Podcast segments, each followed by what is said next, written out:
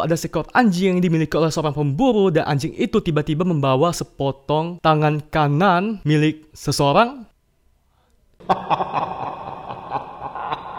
Hai, I'm Tivan. Timo, welcome back to my channel. So guys, malam ini aku akan ngebahas tentang sebuah kasus kematian yang sampai hari ini itu masih belum terpecahkan. So, kasus ini sendiri itu terjadi pada tahun 1972 yang terjadi pada seorang wanita yang masih berumur 16 tahun saat itu yang bernama Janet De Palma. Dan sebelum kita mulai kasusnya lebih dalam, aku bahas dulu siapa sih si Janet De Palma ini. Kita panggil aja dia Jen, oke? Okay? Biar lebih gampang. So, Jen dilahirkan pada tanggal 3 Agustus 1956 di Jersey City di New Jersey, Amerika. Dia itu juga memiliki darah Irlandia, namun dia itu berwarga negara Amerika. Jadi pada Senin sore pada tanggal 7 Agustus 1972, saat itu Jen meninggalkan rumahnya yang ada di jalan Clearview Road di Springfield Township New Jersey, Amerika dan dia pergilah ke rumah temannya dengan kereta. Dan dia pun bilang ke ibunya, dia pamit sebelum dia pergi ke rumah temannya. Emang lu main nyelonong aja ke rumah teman? Pas pulangnya main loncat aja tuh pagar. Namun setelah temannya tunggu-tunggu kok dia belum datang juga dan udah sore banget masih belum sampai juga dan ibunya juga ngerasa ini udah mau malam banget tapi kok si Jen belum pulang ke rumah juga dan ya dan mungkin karena teman ini juga kasih tahu ke ibunya kenapa si Jen nggak datang ke tempat dia dan akhirnya ini membuat ibunya panik Dibuatlah laporan anak hilang di kepolisian Springfield yang ada di sana. Kemudian dicarilah si Jen kenapa dia bisa hilang. Dan bener dong sudah berhari-hari nggak ketemu juga di mana sih keberadaan si Jan saat itu. Pokoknya aku nggak habis pikir ya gimana sih perasaan ibunya dan ayahnya ketika tahu anak itu nggak pulang berhari-hari. Kita aja kok bisa pulang kemalaman. Orang tua udah pada panik iya nggak sih? Bisa-bisa ditampol lu pakai sendal jepit karate. Pulang sekolah, bukannya langsung pulang, malah keluyuran, masih pakai baju sekolah, gue tampol lu. Nah, singkat cerita, 6 minggu kemudian, yaitu pada tanggal 19 September, ditemukanlah sebuah mayat di atas tebing Springfield. So guys, jadi pada saat itu ada seekor anjing yang dimiliki oleh seorang pemburu dan anjing itu tiba-tiba membawa sepotong tangan kanan milik seseorang ke pemilik anjing tersebut. Dan alhasil karena pemilik anjing itu kaget, wah ini tangan siapa? Ini pasti ada suatu kasus pembunuhan dan dilaporkanlah kepada pihak kepolisian kalau anjingnya itu menemukan sepotong tangan tersebut. Dan polisi pun datang ke TKP dan mereka mulailah mencari tahu di mana sih anjing tersebut menemukan tangan tersebut dan benar aja,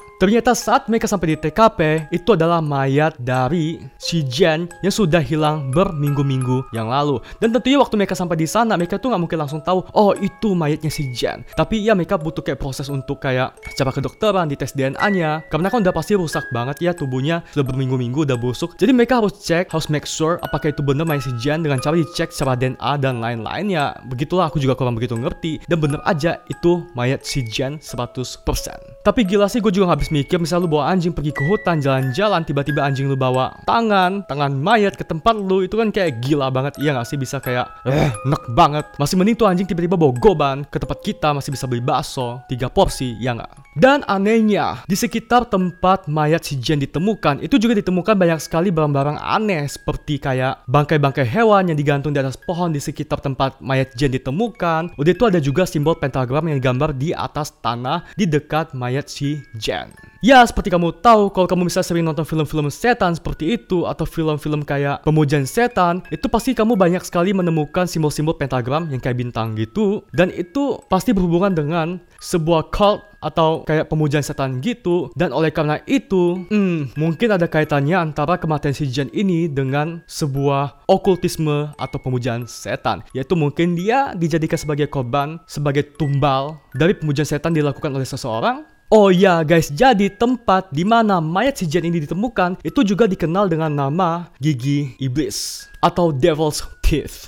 Gue baru tahu emang iblis punya gigi. Mungkin dia bleachingnya di Indomaret atau di Alfamart Tuh kan guys, nama tempat ditemukan mayatnya si Jen aja udah mistis-mistis gitu. Kemudian setelah itu mayat si Jen ini pun dilakukan otopsi dan dicari tahu apa sih penyebab kematian dari si Jen ini. Dan ternyata diambil kesimpulan oleh pihak kepolisian kalau si Jen ini tuh meninggal karena dicekik dan dia kehabisan nafas. Dan polisi juga sempat mencurigai seseorang yang kayak pengangguran gitu yang bikin tenda di sekitar tempat mayat si Jen ini ditemukan yang mereka kenal dengan nama si Red. Namun setelah di kayak ditanyain alibinya dan ya alibinya itu cocok ternyata ya polisi menganggap kalau bukanlah dia seorang pembunuhnya, jadi dia terbebas dari tuduhan pembunuhan ini. Dan lagi, polisi masih terus mencari tahu siapa sih pembunuhnya tersebut dan ya, itu susah banget dan masih belum mendapat juga. Apalagi pada tahun 1999 itu terjadi badai besar yang namanya adalah badai Floyd dan kebetulan polisi di Springfield ini itu juga tersapu badai tersebut dan banyak sekali dokumen-dokumen yang hilang tersapu badai dan banjir dan ya ini semakin menyulitkan pihak kepolisian untuk mencari tahu siapa sih pembunuh sebenarnya dari si Jan. Dan lambat laun kasus ini pun semakin menghilang karena susah untuk dicari dan ditutup sampai hari ini. Dan sampai hari ini juga kita nggak tahu siapa sih dalang dari kematian si Jan. Apakah dia itu dibunuh atau gimana nggak ada yang tahu. Dan masih menjadi sebuah misteri. So, kalau menurut aku sendiri ya, mungkin aja dia itu dibunuh oleh seorang serial killer yang juga kebetulan adalah pembunuh berantai ini adalah seorang yang melakukan pemujaan setan dan mungkin sial aja si Jen waktu itu dia lewat di dekat pembunuh tersebut dan dijadikanlah korban okultisme atau tumbal oleh si pembunuh ini. Siapa yang tahu? So guys, gimana menurut kamu? Apakah yang terjadi dengan si Jen? Kira-kira apa yang menyebabkan dia terbunuh? Please berikan opini kamu di bawah, oke? Okay? Biar sama-sama kita diskusikan. Dan kasus apa lagi yang ingin aku bahas di video selanjutnya? Please berikan rekomendasi kamu di bawah. Ya, nanti yang paling banyak kita akan bahas kasus tersebut, oke? Okay? So, sekian dulu video hari ini. Please klik subscribe dan tanda lonceng untuk mendapatkan notifikasi video terbaru. Dan jangan lupa tekan like dan share agar teman-teman kamu juga tahu akan informasi ini. Dan sampai ketemu di video selanjutnya. Bye!